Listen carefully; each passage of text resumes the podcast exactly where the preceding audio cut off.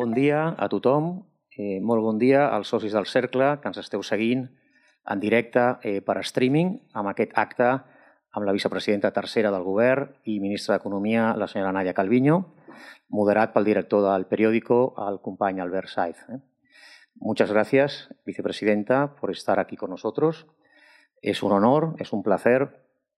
Eres una amiga de la casa, estuviste ya en las jornadas de Siches del 2019 y también tuvimos la oportunidad de tenerte como ponente en unas jornadas virtuales que hicimos en mayo del 2020 con el vicepresidente de la comisión, el señor eh, Dombrovskis. Una, intervención que, que, si recuerdas, tuvo mucha repercusión porque era el inicio de la pandemia, pero también eh, nosotros desde el CERCLA pues, guardamos un grato recuerdo de aquello porque hiciste una defensa a ultranza ¿no? de, de la estabilidad económica y laboral en unos momentos muy, muy complejos eh, que se estaba hablando ya de, de contrarreformas laborales. ¿no? Yo creo que eso te lo agradecemos mucho. Hoy eh, también esperamos con expectación tu, tu, intervención y solo déjame comentarte eh, una pequeña introducción de qué hemos hecho el círculo en estos nueve meses desde que nos hablamos la última vez en, en mayo del 2020. Todo se nos vino encima desde entonces. ¿eh? Sí que llegamos a la conclusión dentro de la Junta Directiva que, el corto plazo era esencial para salvar empresas, salvar empleos, pero también que habían otros agentes sociales que ya estaban haciéndolo muy bien y reclamando todas las ayudas que desde el Círculo siempre hemos eh, apoyado. ¿eh? Foment del Trabajo, PIMEC, CECOT, los sindicatos, en el caso de Cataluña, la CEO en el caso de España. Por tanto, seguimos apoyando a todos los agentes sociales en estas reclamaciones y esperamos eh, que nos puedas explicar hoy sobre sobre estas ayudas, directas o no directas, capitalizadas o no, al sector productivo. Pero desde el CERCLA también, desde el mes de mayo, ya en aquel documento que hicimos, que leímos ante, contigo y con el vicepresidente Dombrovski, también nos hemos querido poner las luces largas y aportar un foco de medio y largo plazo que a veces echamos en menos, de menos en, la economía española. ¿no? Ya identificamos en el mes de mayo tres sectores en los que creíamos que podían ser transformacionales, eso es cuando todavía no estaba aprobado el plan de, del fondo de, los, de los, eh, el fondo de reconstrucción, aunque ya se hablaba de los 500.000 millones, que yo creo que España tuvo un papel determinante, muy discreto y silencioso, pero determinante, y ya hablamos de tres sectores, el de ciencias de la salud, nos gusta llamarle más el sector de ciencias de la salud que no el sector de la sanidad, porque consideramos que es mucho más eh, grande y holístico que no solo la sanidad, el sector digital, Además, tuve oportunidad también de compartir un, un foro contigo en FOMEN sobre la digitalización, que lo consideramos especialmente también esencial. Y eh, el tercero, todo el sector del Green Deal, eh, que también consideramos que, es esencial, pero además una grandísima oportunidad para nuestro, para nuestro sector eh, productivo. Con la obsesión de intentar a largo plazo mejorar la productividad de este país, que es la gran lacra que tenemos para no, para no aumentar pues, la, la, la también la riqueza, la cohesión y la igualdad. Tenemos una productividad muy baja desde hace 20 años y creemos que los fondos europeos son una grandísima oportunidad. Eh, ojalá, ojalá, ojalá, y estamos también eh, ansiosos que nos expliques cómo los podremos utilizar de verdad para transformar este país, quizás de una vez por todas. ¿no? Por tanto, sin más, eh, te pasamos la palabra y al acabar, pues Albert eh, nos hará de moderador con las preguntas que él tenga y recogerá también preguntas de los socios que nos estáis siguiendo en streaming. Eh? Pues moltes gràcies i t'escoltem. Bueno, bon dia, bon dia a tothom. És un plaer participar en aquesta conferència del Cercle d'Economia que em permet compartir amb vostès algunes reflexions sobre les perspectives econòmiques avui des de Barcelona. I en primer lloc vull agrair aquesta oportunitat a Javier Faus, y a la resta de la junta directiva. Eh, esto es todo lo que soy capaz de decir en catalán, pero eh, así, así espontáneamente, pero quería eh, de verdad enviar un mensaje de mucho cariño, mucho afecto y mucho calor a todos los que nos están acompañando hoy aquí, no solo a los que estáis presentes, sino también a todos los que nos están siguiendo por streaming, y compartir esa alegría que me da el haber podido volver a Barcelona, y la verdad es que están siendo un, periodo muy duro para todos nosotros desde el punto de vista personal, desde el punto de vista profesional. Y quizá el resumen de, todo lo que voy a compartir con, vosotros hoy aquí es, después de estos casi 12 meses tan duros marcados por la crisis, tenemos que hacer de 2021 el año de la recuperación. Y, voy a compartir con todos, con todos vosotros cuáles son las cuatro claves principales que, marcan, que van a marcar el desarrollo económico en, en nuestro país, eh, la evolución de la economía en el curso de 2021, pero como muy bien decía el presidente del CERCLA, eh, eh, Xavier, eh, no solamente hay que pensar en el corto plazo, hay que pensar en el medio y el largo plazo, cómo podemos sentar las bases también de un crecimiento más sostenible a medio y largo plazo. que la pandemia ha asestado un duro golpe a nuestra economía, sobre todo en el segundo trimestre del año 2020, en fin, ya es bien conocido. Todos eh, hemos vivido estos meses en los que tras esa caída tan intensa del Producto Interior Bruto en el segundo trimestre vivimos la recuperación en el tercer trimestre del año. Y yo no me canso de, decir que no fue un trimestre normal, eh, particularmente aquí en Cataluña todos somos conscientes de que en aquel momento ya estaba golpeando la segunda eh, ola de la pandemia no había turismo internacional y había unas restricciones muy fuertes a las actividades económicas en buena parte de nuestro territorio y sobre todo motores económicos importantes de España. Tras esa reactivación del tercer trimestre, la economía siguió recuperándose eh, durante el cuarto trimestre y empezamos el año 2021 con un horizonte que está marcado por la palabra incertidumbre. Eh, todos eh, somos conscientes de que eh, son muchos los elementos que todavía no están claros sobre cómo va a evolucionar la economía. Sabemos que las medidas que se han venido poniendo en marcha desde marzo pasado han sido están siendo eficaces para proteger el tejido productivo, el empleo, las rentas de las familias en nuestro país.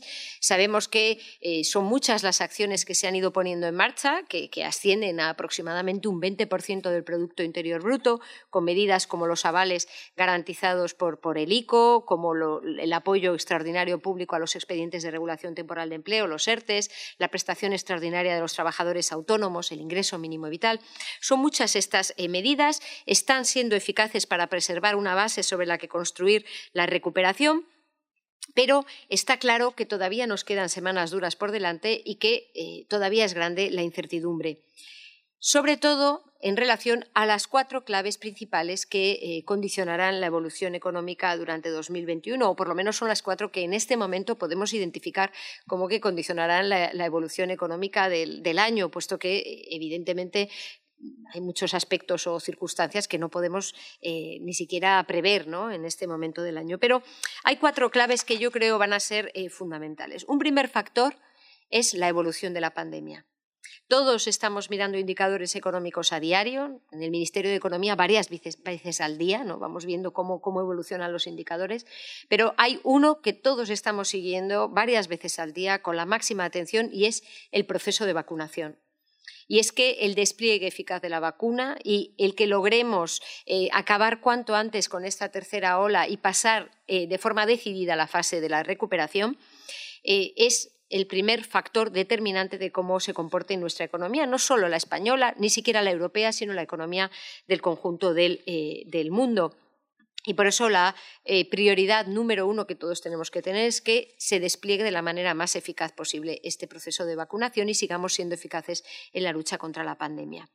Un segundo factor fundamental para una economía tan abierta como la española es cómo se comporte la economía internacional y en particular las economías europeas los grandes países de nuestro entorno, que son también nuestros principales mercados de exportación, tanto de bienes como de servicios, y en particular de turismo. ¿no? Eh, qué, ocurra con el resto de las economías europeas y el conjunto del mundo es tremendamente importante. Y esto es muy relevante también cuando hablamos de impulsar acciones que aseguren la estabilidad de los mercados de deuda soberana, y fortalecer todos los mecanismos de coordinación y cooperación multilateral, no solo en el ámbito económico y comercial, no solo en términos de apoyar a las economías más vulnerables, sino también en términos de solidaridad también en la colaboración en el plano sanitario porque no terminaremos de atajar esta pandemia hasta que eh, todo el mundo haya conseguido eh, controlar el virus. Yo creo que esta pandemia nos ha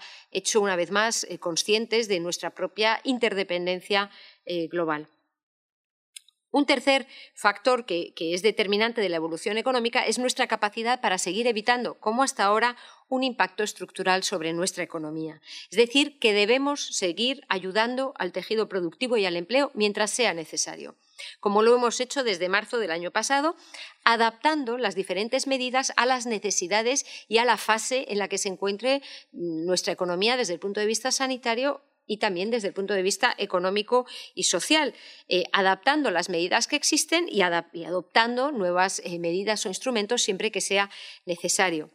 Por ejemplo, además de seguir apoyando la liquidez del conjunto de la economía, que ha sido absolutamente fundamental eh, para proteger, como decía antes, una base para la recuperación, hemos de evitar que las empresas viables sufran problemas de solvencia como consecuencia de la larga duración de las restricciones de actividad para luchar contra la pandemia, un tema que es eh, evidentemente eh, de particular importancia en el caso de Cataluña, pero en el conjunto del territorio español.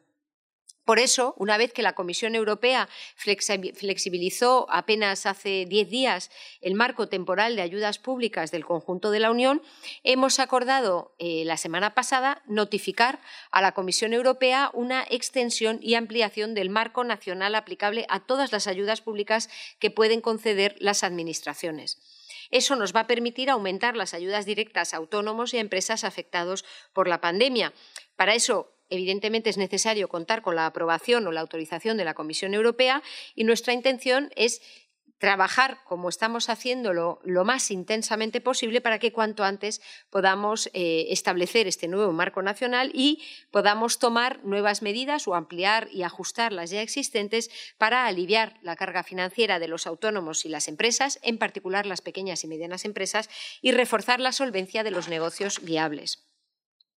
También vamos a continuar proporcionando ayuda a los sectores, las empresas y los trabajadores más eh, eh, afectados, como hemos hecho en estas pasadas semanas con la extensión de las moratorias para la devolución de los créditos, en particular en el sector del turismo y el transporte, dos de los más eh, afectados, también los autónomos y las personas vulnerables.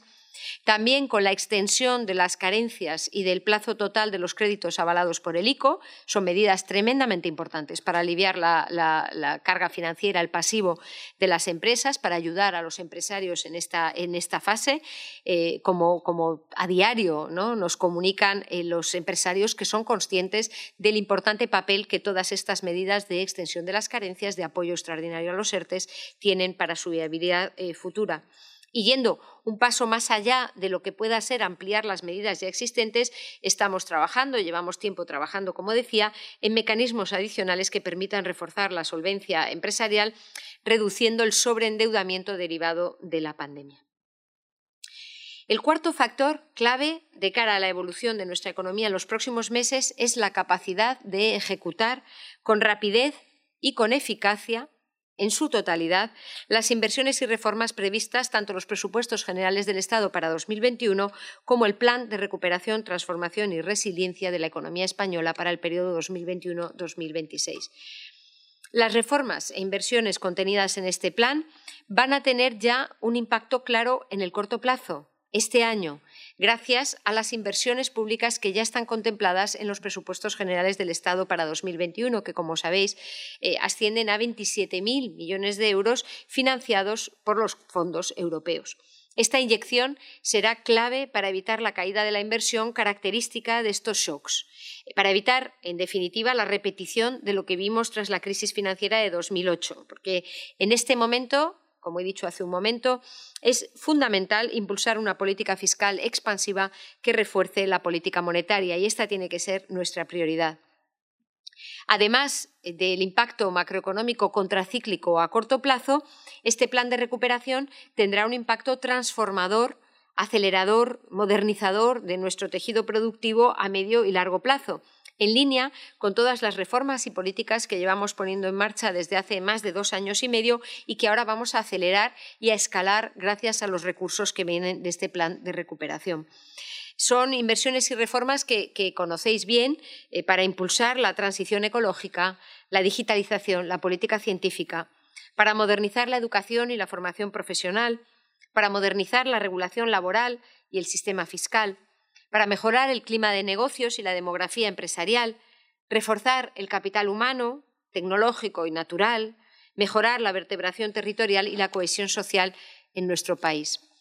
Insisto, se trata de inversiones y reformas, de 30 componentes con grupos coherentes de inversiones y reformas en ámbitos como la movilidad sostenible y conectada, el despliegue del 5G, las competencias digitales, hablaba ahora mismo eh, eh, con Jaume Colboni de, las iniciativas que tiene el Ayuntamiento de Barcelona en este ámbito tan importante de los digital skills, ¿no? la capacitación digital del conjunto de la población y en particular los trabajadores para, aprovechar todos esos nuevos empleos de futuro que se van a crear, la política de vivienda y de regeneración urbana, la política industrial, la modernización del sector turístico, la digitalización de las pymes, la agenda de inteligencia artificial, es decir, Estamos hablando de un plan ambicioso y exhaustivo que abarca con una visión de 360 grados los diferentes procesos de modernización y transformación que necesita nuestro país para afrontar debilidades y desequilibrios estructurales que venimos arrastrando desde hace décadas, como el paro estructural, la precariedad y el desempleo juvenil, la baja productividad o las brechas de desigualdad social y territorial. Es decir, que yo creo que el plan responde fielmente a la propuesta del CERCLA para el evento de hoy, que es un planteamiento ambicioso e imaginativo para poner a España en la vanguardia del siglo XXI y convertirla en un polo de atracción de talento e inversiones. El impacto de un proceso de esta magnitud que además se puede ver afectado positivamente por los efectos externos, el efecto desbordamiento de los planes de recuperación que se pongan en marcha en los países de nuestro entorno, puede ser muy notable en términos de incremento de la productividad, justamente el elemento que, señalabas hace un momento. Es decir, de crecimiento potencial, de crecimiento de futuro, de capacidad de mantener ritmos de crecimiento fuertes, sostenibles desde el punto de vista económico-financiero, pero también medioambiental y social. Así que es fundamental que despleguemos de forma ágil este plan de recuperación, apoyándonos para ello en los presupuestos generales del Estado para 2021 que por fin se ponen en marcha y son efectivos desde el 1 de enero, apoyándonos en el Real Decreto Ley de agilización de todos los trámites administrativos que se puso en marcha también el, 1 de, enero y, eh, sobre todo y de forma fundamental, de la colaboración público-privada. Porque estamos hablando de un plan de país, de un esfuerzo colectivo para responder a la pandemia de forma, eh, de forma decidida, y, en definitiva, para asegurarnos de que la inversión y el esfuerzo colectivo que se ha realizado para responder a la pandemia en el plano eh, sanitario, en el plano económico y social desde marzo del año pasado, va a llevar a un futuro mejor. Eh, todos somos conscientes de que en el conjunto de 2020-2021 el Tesoro Público del Reino de España eh, emitirá aproximadamente 150.000 millones de euros de deuda pública adicionales a los que teníamos previstos.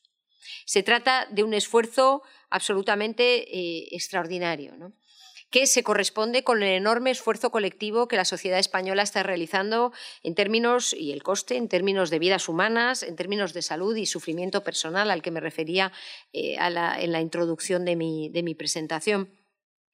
Este impacto fiscal de las medidas de respuesta, eh, desde el punto de vista económico y social, tenemos que asegurarnos de que sirve para eh, ofrecer oportunidades a las nuevas generaciones, desde el punto de vista económico, desde el punto de vista profesional, desde el punto de vista personal. Tenemos que asegurarnos de que toda esta deuda sirve para invertir en nuestro futuro, para construir un país más eficiente, más productivo, más competitivo y también más resiliente, más resistente ante futuras crisis que las medidas financiadas con los recursos públicos, que son los recursos de todos, son eficaces, tienen impacto, como lo han venido teniendo hasta ahora, y nos garantizan una buena base para la recuperación.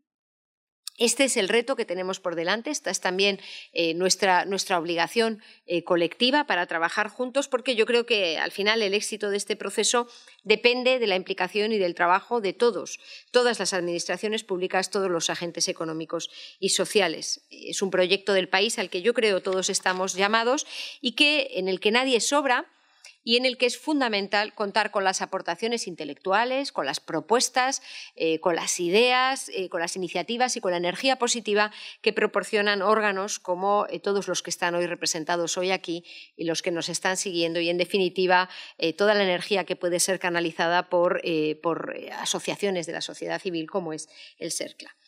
Por eso eh, agradezco tanto esta oportunidad, estaré encantada de responder a sus preguntas y sobre todo agradezco por anticipado toda la colaboración que sé que, vamos a poder tener eh, con todos ustedes, con todos vosotros, para que trabajando juntos sigamos pues, salvando vidas, salvando empresas, salvando empleos y construyendo el futuro. Muchas gracias.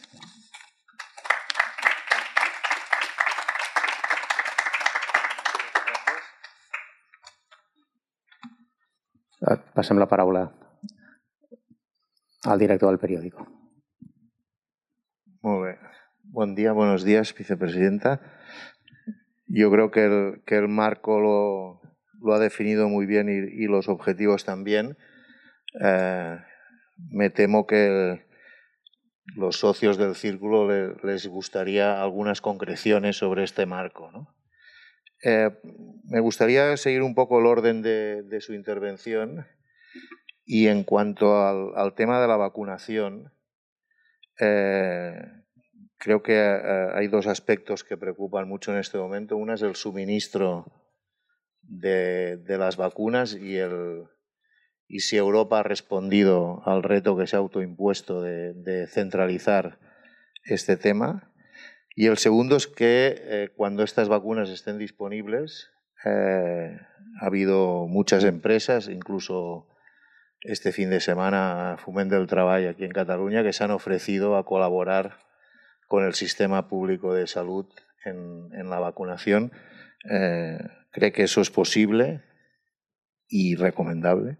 me alegro mucho de que, de que empecemos el debate hablando del tema de la vacunación porque además me da la, oportunidad de empezar eh, pues con un mensaje positivo y es la extraordinaria proeza científica que supone el que hayamos podido disponer no de una vacuna, sino ya de tres autorizadas y más en camino, eh, rompiendo absolutamente cualquier récord eh, preexistente con respecto a la, a la respuesta científica a una enfermedad. Yo creo que el esfuerzo y la inversión que se ha realizado por parte del sector público desde marzo del año pasado, invirtiendo de forma decidida en todo lo que era la investigación y el desarrollo de estas vacunas, ha sido clave para poder conseguir que antes de finales de 2020 ya hayamos dispuesto y hayamos podido empezar a vacunar a las personas en nuestro país. Y esto es un elemento eh, que, ha cambiado las perspectivas y que nos ha abierto una luz al final del túnel eh, muy clara. Eh, un segundo elemento que también yo valoro muy positivamente es el hecho de que hayamos podido negociar los 27 Estados miembros con una sola voz.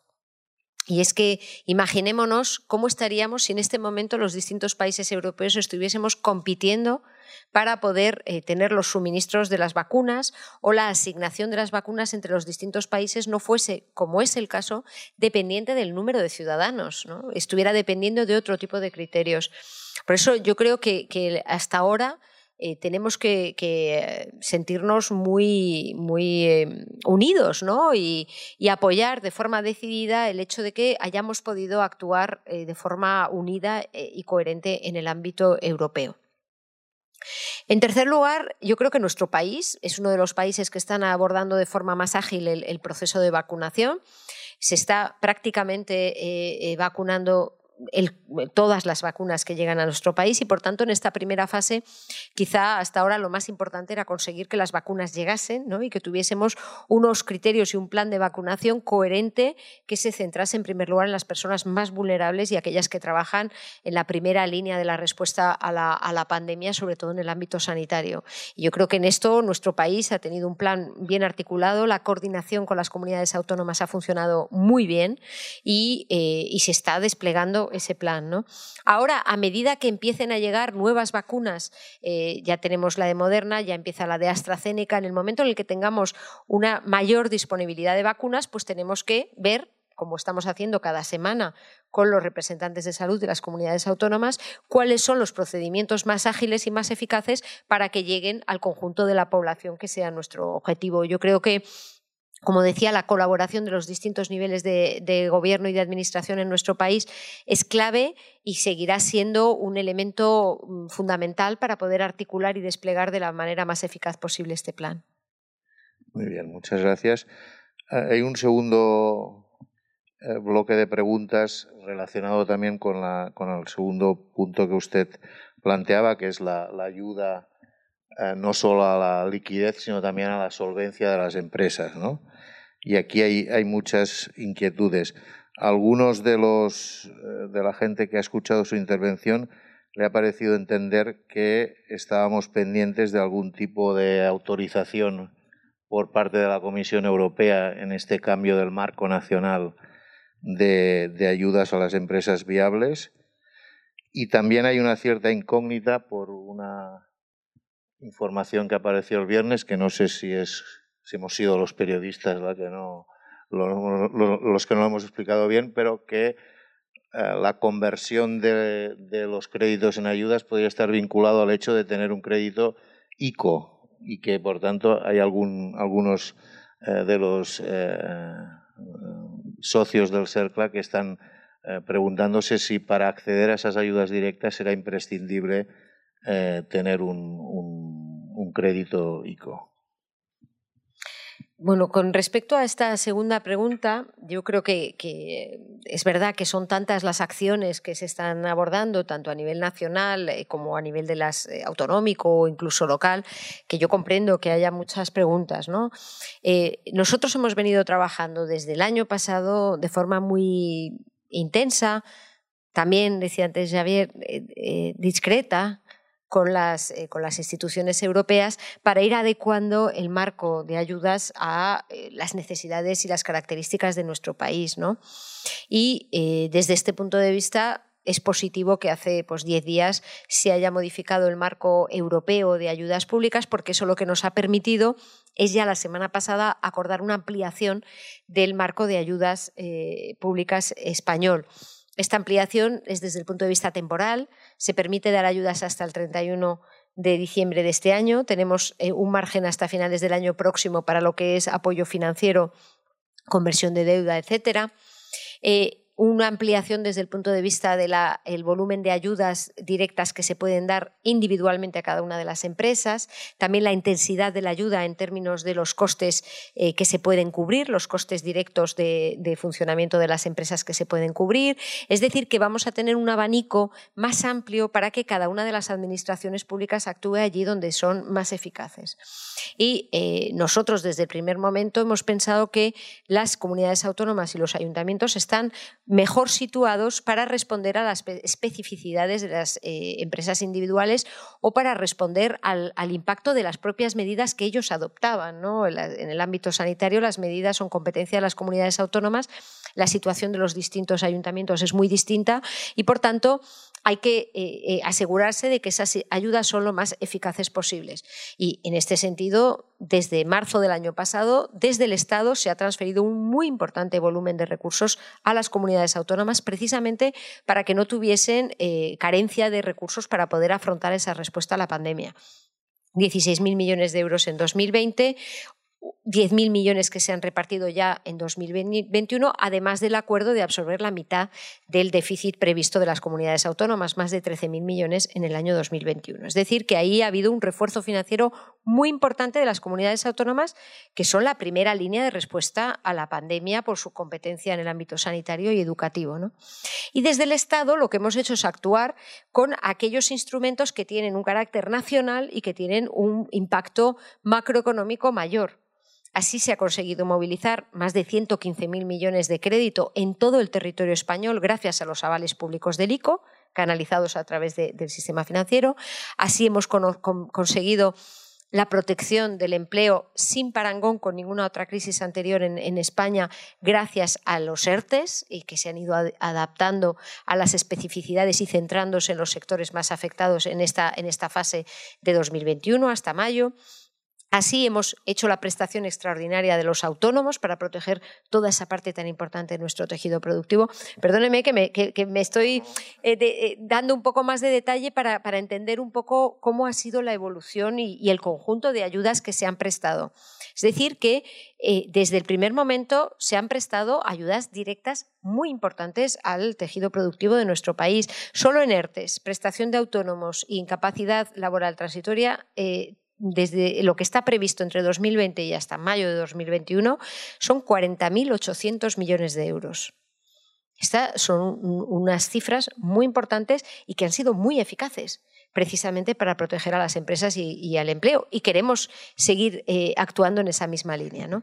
Es en este contexto en el que una vez que ya vemos, eh, eh, ya tenemos más centrados cuáles son los sectores más afectados, cuando podemos empezar a tener una visión clara sobre cuáles son los problemas de sobreendeudamiento que puede haber en las empresas, que sabemos que nos quedan semanas duras por delante y que los problemas ya no son tanto de liquidez como pueden empezar a ser de solvencia además de tomar medidas para que estos problemas sean lo menores posibles, alargando periodos de madurez de los créditos, alargando los periodos de carencia de los créditos, alargando las eh, exenciones o excepciones eh, al régimen concursal obligatorio. Es decir, hemos ido tomando medidas que van en esa dirección y ahora tenemos que ver qué medidas adicionales pueden ser eficaces y tener el impacto necesario para reforzar la solvencia de las empresas.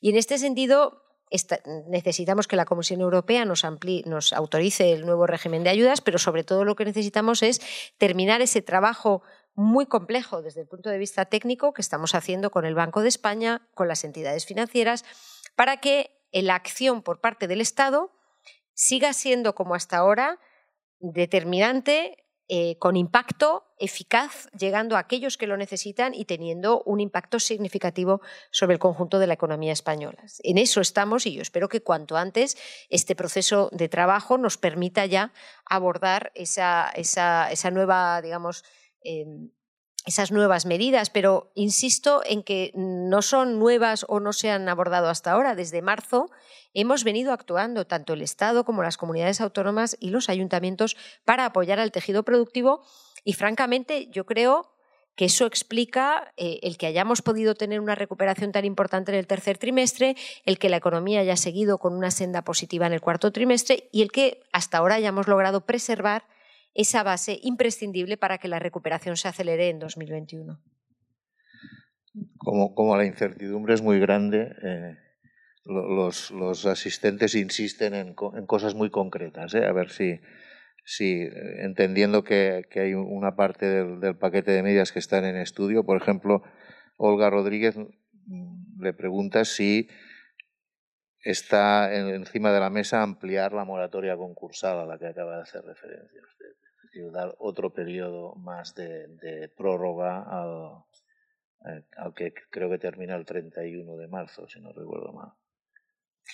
Mire, es una pregunta excelente, porque eh, pone sobre la mesa la complejidad que tiene la articulación de todas las medidas y lo importante que es que se tomen no solo las buenas medidas con, eficacia, sino además en el momento adecuado. Eh, nosotros hemos ampliado todas las exenciones al régimen concursal hasta, hasta marzo, hasta que, hasta que pase el periodo de, alarma, hasta que terminase ese, ese este este año, ¿no? desde que se inició el primer periodo de alarma, tenemos en este momento que analizar si es conveniente alargarlas o si eso no puede suponer un elemento mayor de incertidumbre con respecto a la situación de las empresas. En las próximas semanas, en paralelo con ese, trabajo eh, técnico de apoyo a la solvencia empresarial, pues tendremos que tomar eh, decisiones en ese sentido, pero yo creo que todos tenemos clara la prioridad la prioridad no tiene que ser retrasar eh, el desencadenamiento de procesos concursales. Lo que tenemos que evitar es que las empresas lleguen a esa situación, para empezar. Entonces, nuestro, nuestro énfasis y nuestra prioridad en este momento es ver cuáles pueden ser los instrumentos que nos permitan reforzar la solvencia de las empresas que tienen viabilidad a medio plazo, que eran solventes y cuyo eh, desequilibrio patrimonial viene generado por una situación extraordinaria y transitoria como es la de la pandemia. Yo creo que esa tiene que ser nuestra prioridad. Eh, en paralelo con cualquier otro tipo de medidas que tengamos que tomar, que tengamos que tomar de cara al futuro. Pero digamos que es muy importante que reforcemos no, no, no, tomemos solo medidas que retrasen un problema, sino medidas que eviten que se produzca ese problema. Y si sabemos que el riesgo es el sobreendeudamiento de las empresas, tenemos que atajar ese problema de forma decidida. Y en eso es en lo que estamos trabajando. En este sentido, también eh, le preguntan sobre el fondo de rescate eh, que la persona que, formula la pregunta considera que, está yendo muy lento, porque hasta este momento solo se conoce el caso de, Air Europa, y, en cambio la impresión de quien formula la pregunta es que esta lentitud hace que empresas que podían ser viables estén dejando, dejando de serlo. Y, también en este sentido, eh, Joaquín de Toca eh, pregunta si eh, en este plan de, ayudas directas las empresas grandes eh, van a quedar excluidas porque él al menos tiene la sensación que se han centrado mucho en pymes y autónomos. Bueno, desde el primer momento hemos visto que había eh, circunstancias muy diferentes para los eh, distintos tipos de empresas, de la misma manera que los distintos sectores se han visto afectados de manera eh, pues, pues, asimétrica. ¿no? Hay sectores que, han tenido una evolución relativamente positiva en el, en el, último año y, sin embargo, sectores como el transporte, como el turismo, a los que me he referido, la hostelería en sentido amplio, que son los más afectados por la pandemia. ¿no? Y por eso es tan importante que nos eh, aseguremos de que las medidas llegan de forma eficaz a cada una de las circunstancias, de las situaciones específicas. Hemos tenido un foco muy especial sobre las pymes y los autónomos, puesto que conforman el grueso del tejido productivo y el empleo de nuestro país y las medidas eh, adoptadas se han dirigido muy especialmente. Pero justamente el fondo de 10.000 millones gestionado por, por la SEPI se ha orientado precisamente a las empresas de mayor tamaño, puesto que estamos hablando de eh, créditos participativos y de otras formas de participación en el capital de una mayor envergadura. Estamos hablando de eh, operaciones de cientos de millones de euros que evidentemente requieren un análisis en profundidad de las circunstancias de estas empresas y calibrar muy bien cómo se va a articular esa participación pública que va más allá de los avales públicos que el ICO está, está eh, concediendo y, en este sentido tanto a empresas pequeñas como medianas y, grandes. ¿no?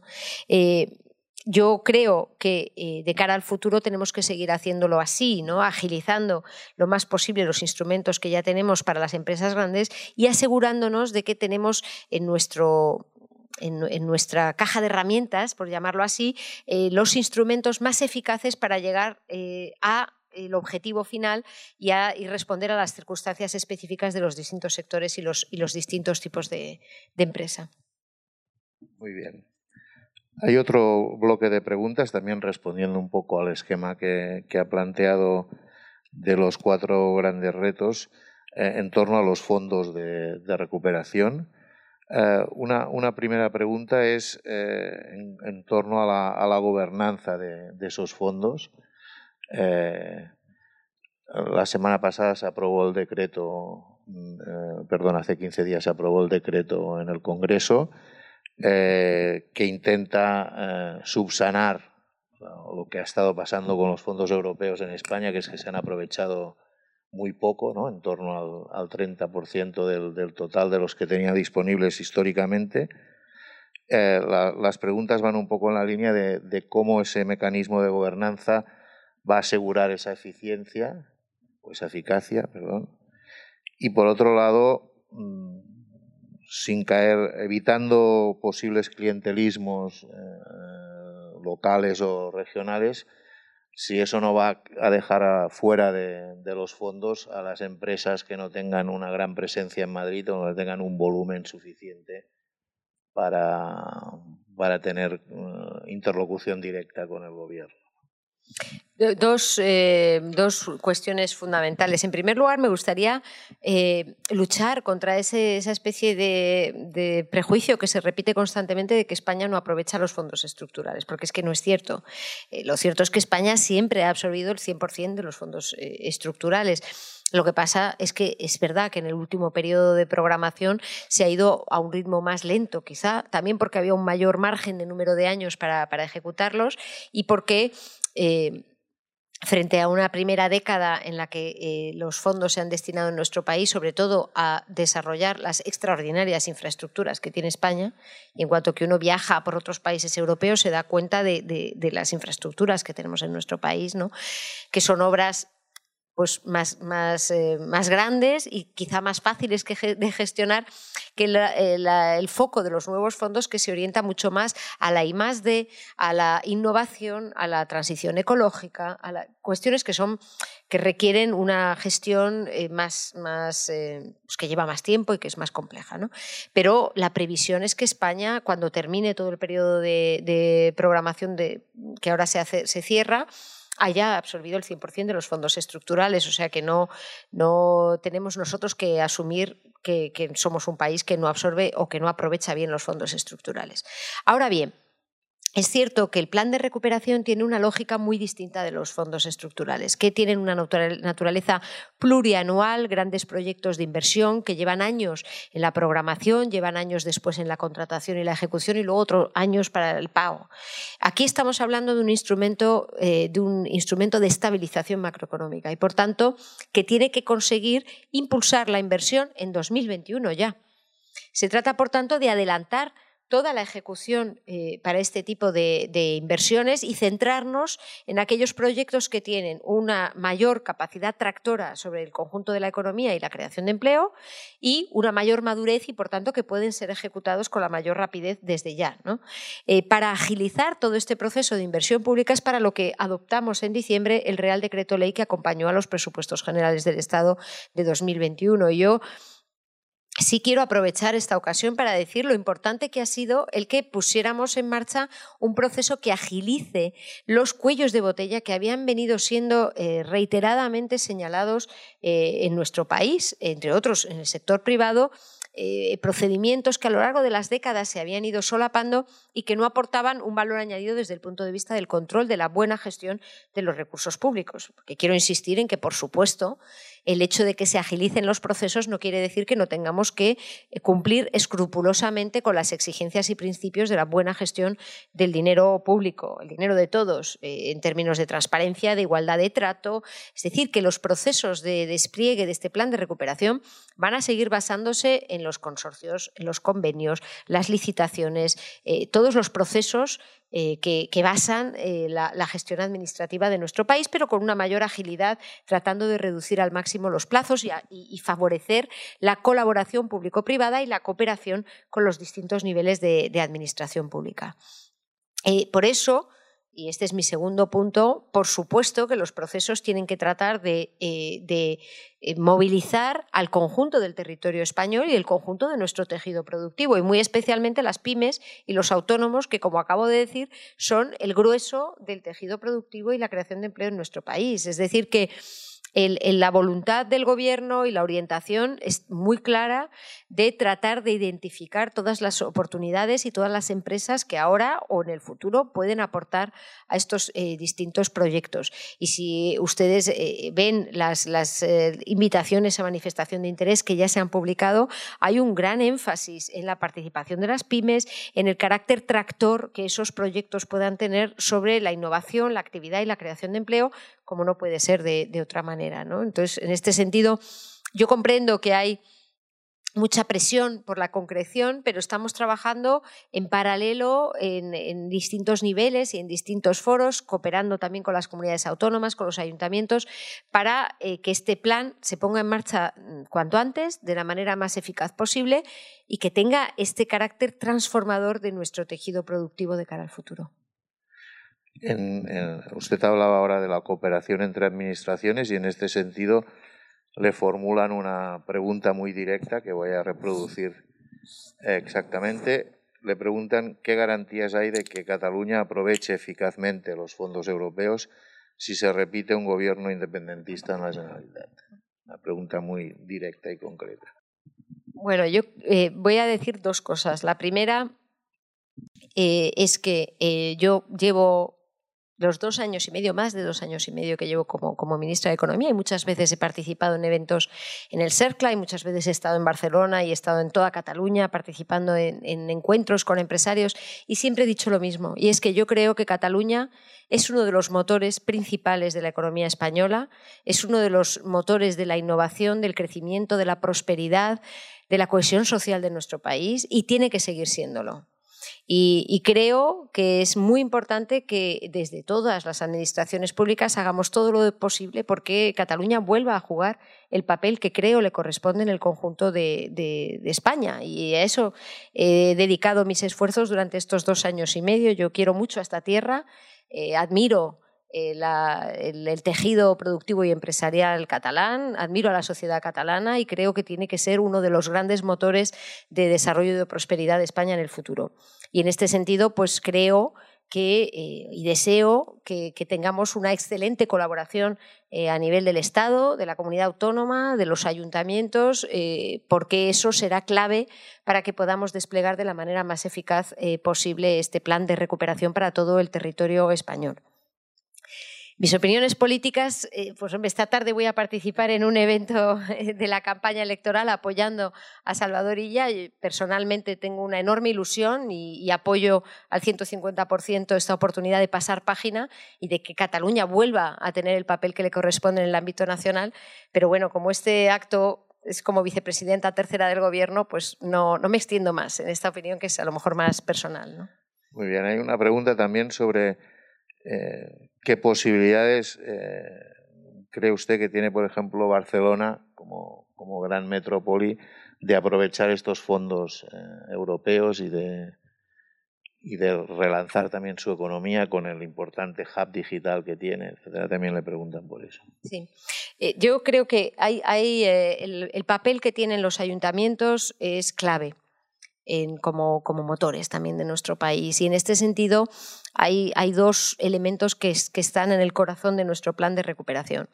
En primer lugar, yo creo que hay determinadas políticas y determinados proyectos que, eh, tienen que ser desarrollados por los ayuntamientos o con los ayuntamientos como un actor principal. Si estamos hablando, y lo he mencionado en mi intervención, de rehabilitación de vivienda, es evidente que los ayuntamientos o de movilidad urbana, es evidente que, tenemos que contar sobre todo con los grandes ayuntamientos eh, españoles y evidentemente Barcelona es una de las grandes ciudades, es, uno, va a ser uno de los, de los grandes actores ¿no? en términos de este, de este plan de recuperación. Y yo creo que la colaboración excelente que tenemos con el ayuntamiento, por ejemplo, todo lo que se refiere al Mobile eh, World Capital, pues demuestra cómo cuando las administraciones públicas actuamos de forma coordinada, pues hacemos grandes cosas por, el desarrollo económico y social de, nuestro país. Y esa es la línea en la que yo creo que tenemos que seguir eh, avanzando. Ahora bien, España no es solo sus grandes ciudades y sus grandes ayuntamientos. Es más, en estos años hemos visto cómo la despoblación afecta a una parte importante de nuestro territorio, también en Cataluña, hay partes del territorio que menos que otras, que otras partes de España, pero también. Eh, y, eh, por tanto, la vertebración territorial, la cohesión territorial de España es, otra de las, es una de las cuatro grandes prioridades del plan de recuperación. La transición digital, la transición verde, la cohesión social y territorial, y la igualdad de género. Esos son los cuatro ejes. Y la cohesión social y territorial tiene que ser fundamental también para, el despliegue del plan y, por tanto, los proyectos que se puedan eh, verse liderados por ayuntamientos como el de Barcelona pues son importantes, pero también tenemos que asegurarnos de que hay otros proyectos que favorecen la vertebración territorial. Empezando, por ejemplo, por todo lo que es la digitalización, la conectividad y el 5G. Desde el Ministerio de Economía, de Asuntos Económicos, hemos lanzado ya una invitación a manifestación de interés precisamente para ver qué, eh, operadores y qué proyectos pueden ser los más eficaces para garantizar el despliegue de la banda ancha en el 100% del territorio y de la población española, llegar a ese 100% desde los porcentajes superiores al 90% que ya tenemos en nuestro país y, sobre todo, impulsar el despliegue del 5G en zonas poco pobladas.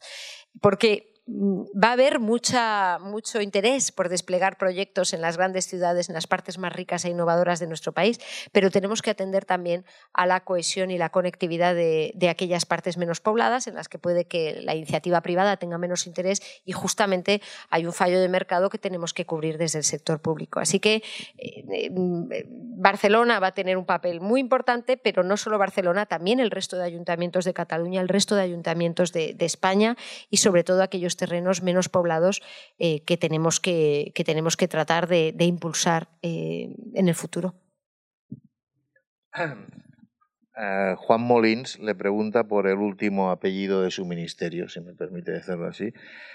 Es si pregunta si el propio gobierno y las propias administraciones van a, impulsar su, propio proyecto de transformación digital en relación con, los ciudadanos y con los contribuyentes.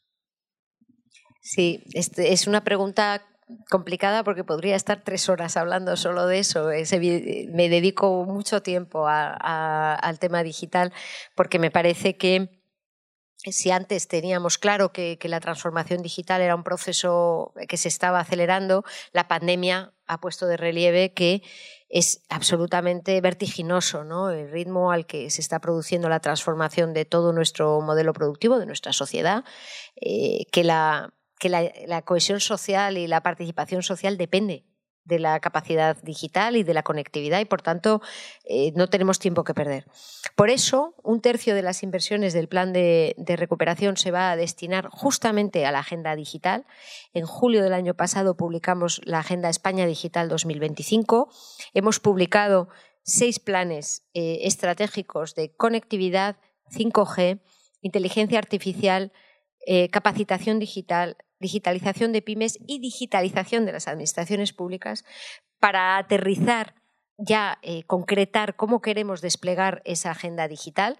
La semana pasada nos dieron un premio, eh, Digital Europe, la asociación de, todas las empresas eh, del ámbito digital europeo, de un premio a España, porque somos el país que más rápido y con mayor ambición está aterrizando toda esa agenda digital dentro del plan de recuperación y eh, estamos trabajando muy intensamente con todo el sector privado. El viernes tuvimos la primera reunión del Hub de, competencias digitales justamente para em, acelerar todo el proceso de despliegue de ese volumen tan importante de inversiones que queremos poner en marcha.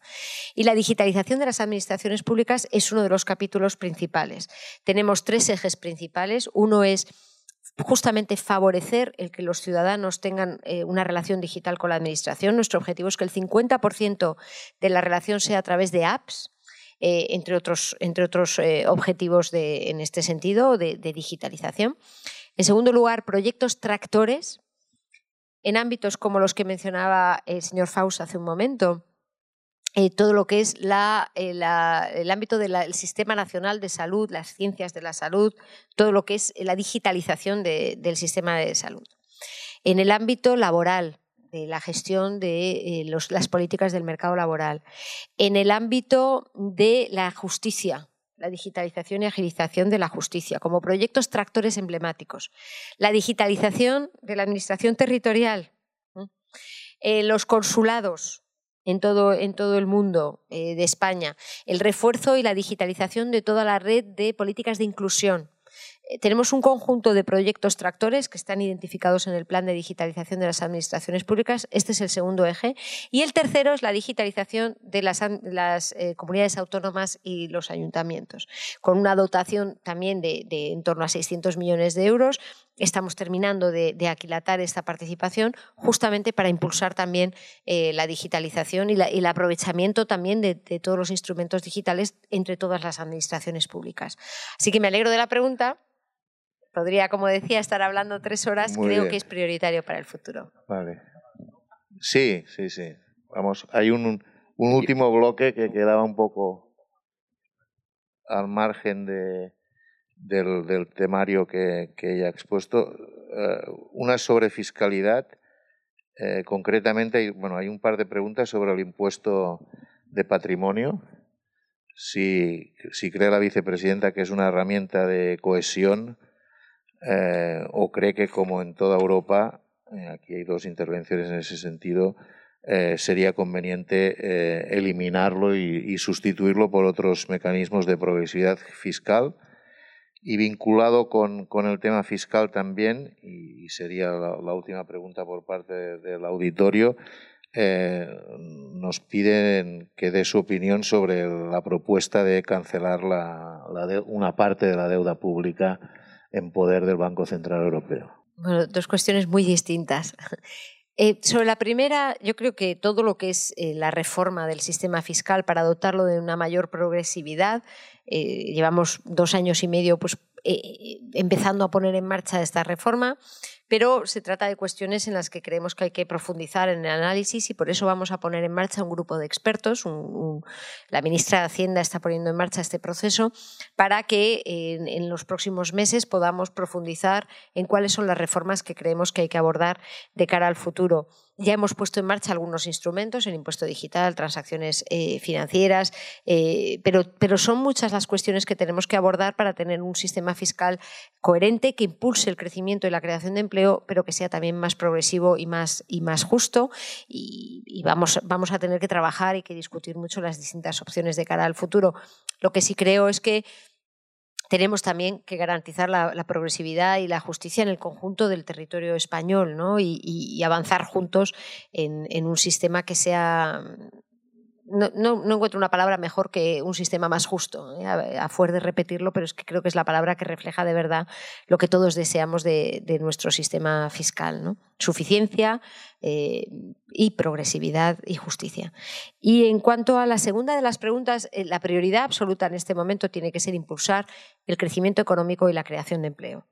La política fiscal y la política monetaria llevan, han estado muy bien coordinadas desde marzo del año pasado a nivel europeo para impulsar, para responder de forma eficaz a la pandemia e impulsar la creación de empleo y el, crecimiento económico yo creo que esta tiene que seguir siendo nuestra prioridad en los próximos, las próximas semanas y meses, una buena articulación de política fiscal y política monetaria que nos permita cuanto antes impulsar la recuperación económica en nuestro país y en el conjunto de Europa.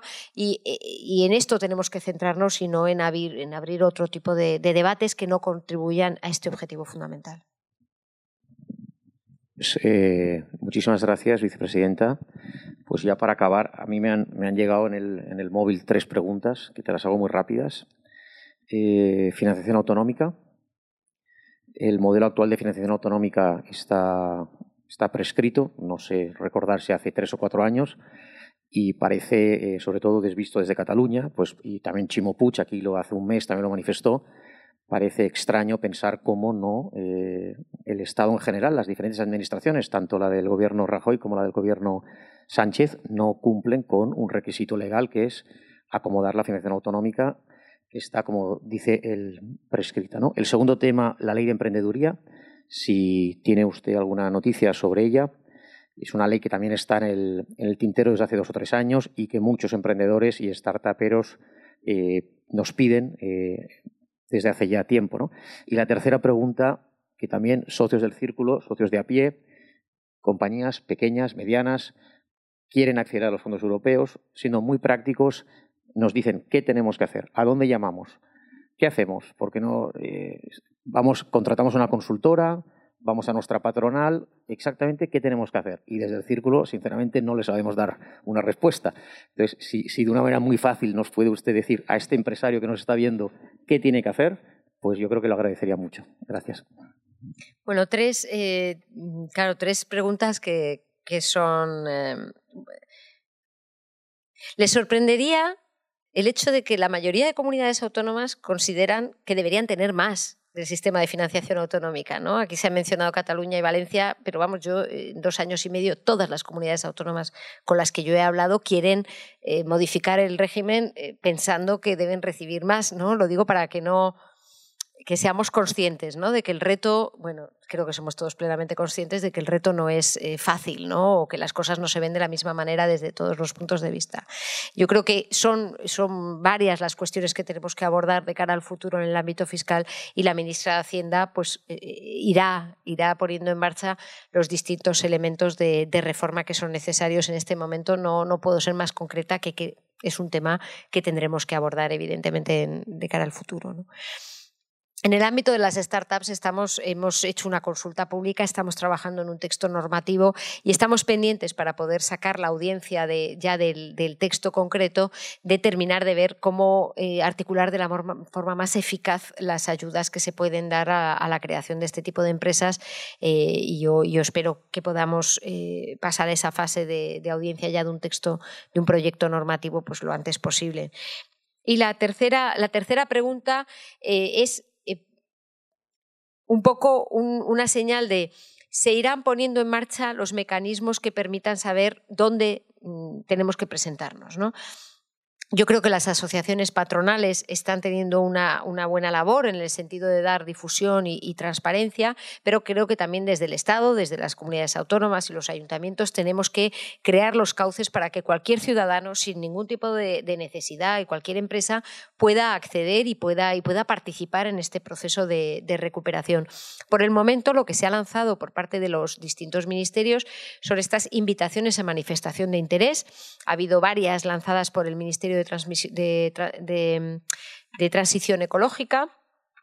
Ha habido también una por parte del Ministerio de, Industria, ha habido una por parte del Ministerio de Asuntos Económicos y Transformación Digital, que son consultas públicas para un poco identificar cuáles son los proyectos o los actores que pueden ser más eh, eh, efectivos ¿no? a la hora de desplegar. Eh, me he referido específicamente al tema de, del 5G en las zonas poco pobladas, porque son ámbitos en los que novedosos, en los que no sabemos bien o, queremos confirmar cuáles son los, los, instrumentos más eficaces.